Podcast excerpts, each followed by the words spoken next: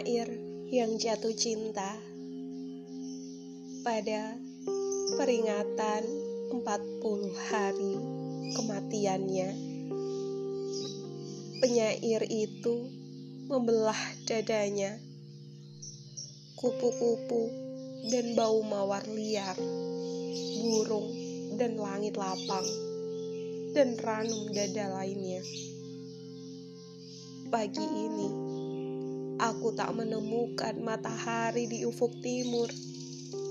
Aku mulai melihatnya terbit dari ufuk matamu. Kiamat besar. Ayat ke-10 pada kitab cintanya tak berfirman dengan ingatan yang hampir habis dilumat kata-katanya sendiri. Ia melengkapinya.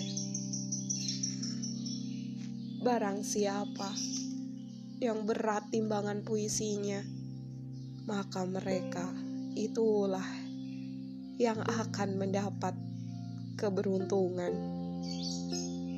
Dan pergilah penyair itu membawa pusara puisinya menuju ufuk yang tidak pernah ada di empat penjuru mata angin. Perempuan itu. Jatinagor 2018 Saijak Ayah Janina